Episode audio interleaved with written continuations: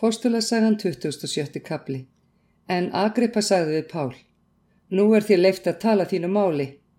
Pál rétti þá töndina og bar fram vörð sína. Lánsamur þykist ég, Agrippa konungur, að eiga í dag í þinni áhörn að verja mig gegn öllu sem geðingar saka mig um. Því heldur sem þú þekkir alla siðu geðinga og ágreiningsmál, þá byrð ég þig að hlýða þólimóður á mig. Allir geðingar þekkja líf mitt frá upphafi, hvernig ég hef lifað með þjóðminni, fyrst í æsku og síðan í Jérúsalem.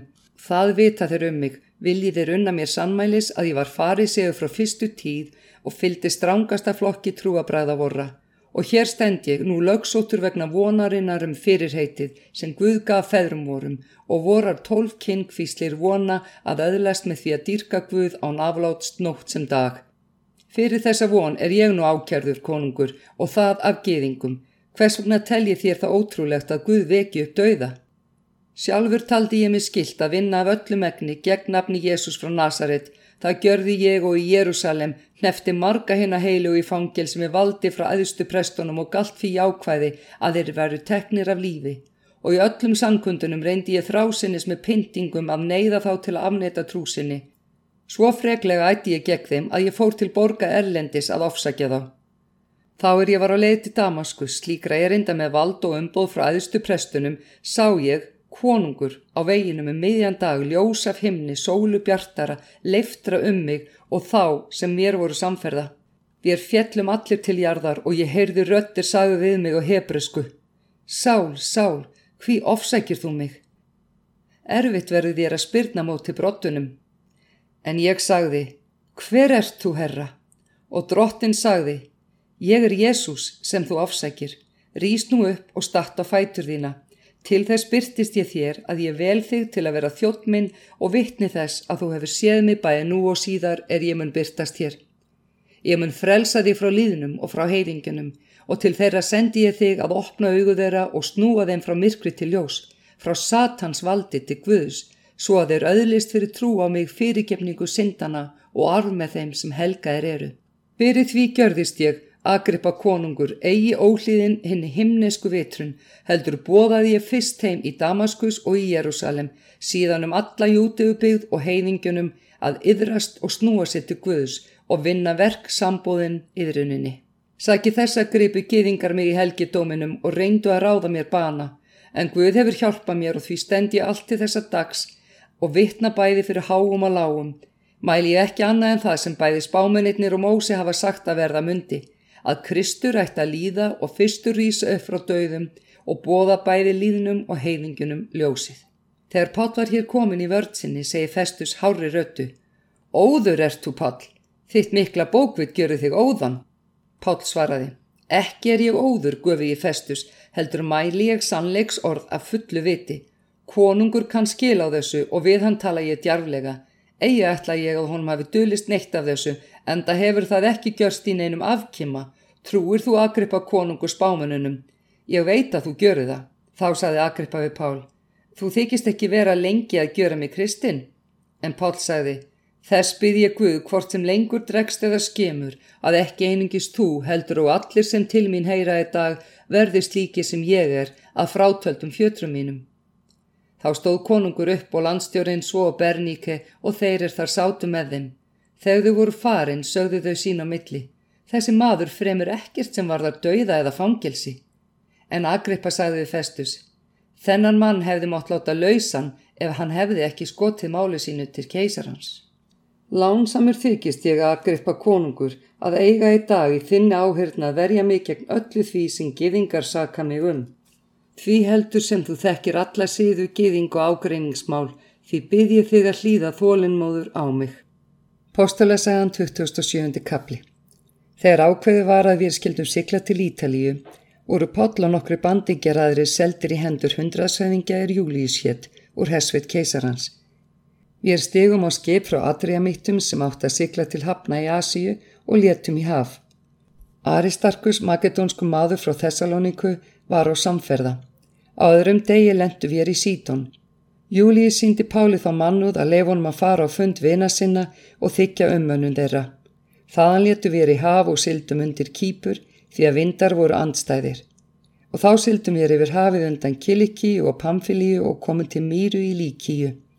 Þar fann hundrasæðingi skip frá Aleksandríu er sigla átti til Ítalíu og kom ós á það. Siglingin gekk trekt allmarga daga, komust við með herkjum móts við Knítus en þar bægði vindur oss. Þá syldum við undir krít við Salmóni. Við beittum þar hjá með naumundum og komust á staðið sem kallast góðhafnir í grendið borgina Lasefu.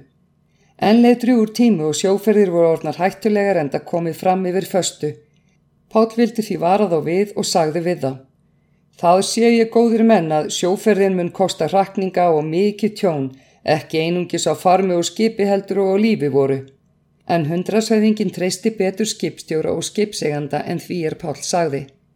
Höfnin var óhentug til vetrarlegu, því var það flestra ráð að halda þaðan ef þeir mættun á Fönix og hafa þar vetrarlegu.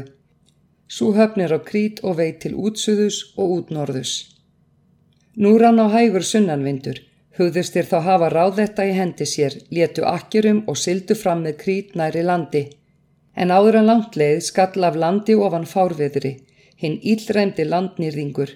Skipi hrakti og varð ekki beitt upp í vindin, slóum við undan og létum reka. Við hleyftum undan litla ei sem nefnist káta. Þar gátum við með naumyndum bjarga skipsbótnum. Þeir náðunum upp og gripu til þeirra ráða sem helst máttu til að bjarga verða og reyriðu skipið köðlum. Þeir óttuðust að þá myndi bera inn í sýrtuflóa, því feldu þeir segl og létu reka. Dæin eftir raktu og smjög undan ofiðrinu. Þá tóku þeir að riðja skipið og þriðja degi vörpuð þeir út með eigin höndum búnaði skipsins. Dögum saman sá kvorki til sólar nýja stjarnar og ekkert lát varð á ofviðrinu. Tók þá að þrjóta öll vonum það að við kæmumst af. Nú hafðu menn lengi einski smatar neitt. Þá stóð Páll upp meðal þeirra og mælti. Góðir menn, þér hefðuð átt að hlýta mínu ráði og leggja ekki út frá krít. Þá hefði þér komist hjá rakningum þessum og tjóni. En nú hvet ég yfir að vera vonglaðir því engin í þar mun lífi tína en skipið mun farast. Því að þessari nóttu stóð hjá mér engil þess guð sem ég heyri til og þjóna og mælti. Óttast þú eigi pál fyrir keisaran átt þú að koma og sjá guð hefur gefið þér alla þá sem þér eru samskipa. Verið því vonglaðir góðir menn. Ég treysti guði að svo muni fara sem við mig hefur verið mælt. Oss mun bera upp á einhverju eigi. Á miðnætti þegar við höfum hrakist um Adria hafi hálfan mánuð þóttu skipveri verða þess varir að land væri í nán. Þeir vörpuðu grunnsöku og reyndi stýpið 20 faðmar. Aftur vörpuðu þeir grunnsöku litlu síðar og reyndi stýpið þá 15 faðmar. Þeir óttuðust að oss kynna ber upp í kletta og kostuð því fjórum akkjörum úr skuttnum og þráðu nú mest að dagur rinni. En hásittarnir reyndu að strjúka úr skipinu Þeir settu bátinn útbyrðis og þóttust vera að færa út akkeri úr framstafni. Þá saði Páll við hundrasæðingjan og hermennina. Ef þessin menn eru ekki kyrir í skipinu, getið ég ekki bjargast. Hermenninni hjuggu þá festar bátsins og leta hann fara. Undir dögun kvatti Páll alla að neyta matar og sagði. Þér hafi nú þraukað hálfan mánuð fastandi og engu næst. Það er nú mitt ráð að þér fáið yfir mat. Þess þurfið þér ef þér ætlið að bjargast en engin í þar mun einu hári tína af höfði sér. Að svo mæltu tók hann brauð, görði Guði þakkir í allra auksín, brauðað og tókaði etta. Urðu nú allir hressari og fóru líka að matast. Alls vorum við á skipinu 276 manns. Þá er þeir höfðu etið sig metta, léttu þeir á skipinu með því að kasta kortfarminum í sjóin. Þegar dagur rann kendu þeir ekki landið en greindu vík eina með sandfjöru. Var þá ráðir að reyna að hleypa þar upp skipinu. Þeir losuðu akkerinn og letu þau eftir í sjónum, leistu um leið stýrisböndin, undu upp framseglið og letu berast undan vindi til strandar. Þeir lendu á rifi, skipi strandaði, stefni festist og hræðist hverki, en skuturinn tók að liðast sundur í hafrótinu. Hermeninnir ætlu að drepa bandingjana svo enginn þeirra kæmust undan á sundi en hundrasæðingin vildi forða Páli og komi veg fyrir áðagjörðira. Bauðana þeir sem syndir væru skildu fyrst varpa sér út og leita til lands, en hinn er síðan ímist á plöngum eða braki úr skipinu. Og þannig komust allir heilir til lands. Postulasæjan 2008. kapli Nú sem ég vorum heilir á landkomnir, fengu við að vita að eigin hétt Malta. Eigaskeggjar síndu oss einstaka góðmennsku. Þeir kynntu bál og hlindu að oss öllum en kallt var í veðri og farið að rigna. Pál tók saman hrísvöndul og lagði á eldin, skreið þá út naðra undan hitanum og festi sig á höndans. Þegar eigaskeggjar sjáu kvikindið hanga á hendi hans, sögður hver við annan. Það er víst að þessi maður er mandrápari, fyrst refsi nornin lofar honum ekki að lifa þótt hann hafi bjargast úr sjónum. En hann hristi kvikindið af sér í eldin og sakaði ekki. Þeir byggust við hann myndi bólna upp eða detta sviplega döðu niður. En þá er þeir höfðu beðist lengi og sá að honum var ekkert meint af, skipti þeir um og sögðu hann Guðvera. Í grend við staðinan átti búkard aðsti maður og einni, Publius að nafni. Hann tók við oss og hjælt oss í góðu yfirlæti þrjá daga. Svo vildi til að fadir Publiusa lág sjúkur með hitaköstum og blóðsótt.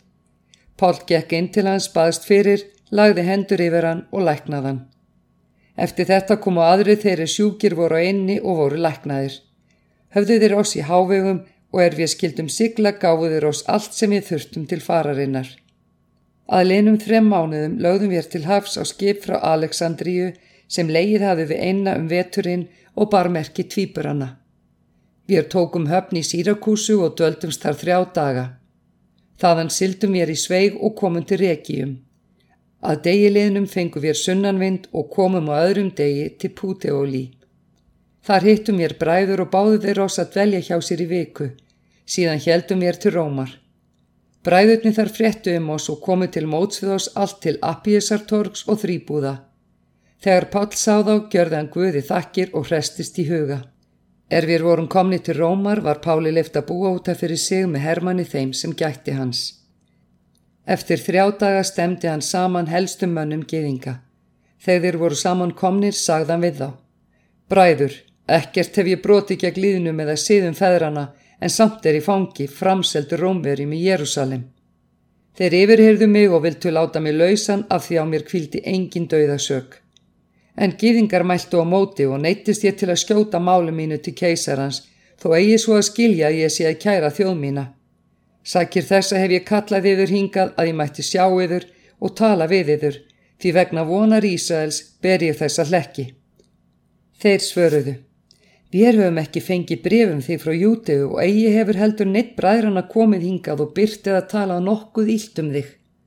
Rétt þykir oss að heyra það hjá þér hvað þér býr í huga en það er oss kunnugt um flokk þennan að honum er allstaðar mótmælt. Þeir tóku til Daviðan og komu þá mjög margir til hans í herbyggja hans. Frá morni til kvölds skýrði hann og vittnaði fyrir þeim um Guðsríki og reyndi að sannfæra þá um Jésu, bæði eftir lögmáli Mósi og spámanónum. Sumir letu sannfærast af orðum hans en aðrir trúðu ekki. Fóruðir burt ósamþyktir sín á milli en Pál sagði þetta eitt. Réttir það sem heilagur andi mælti við feðuriðar fyrir mun Jésæja spámans.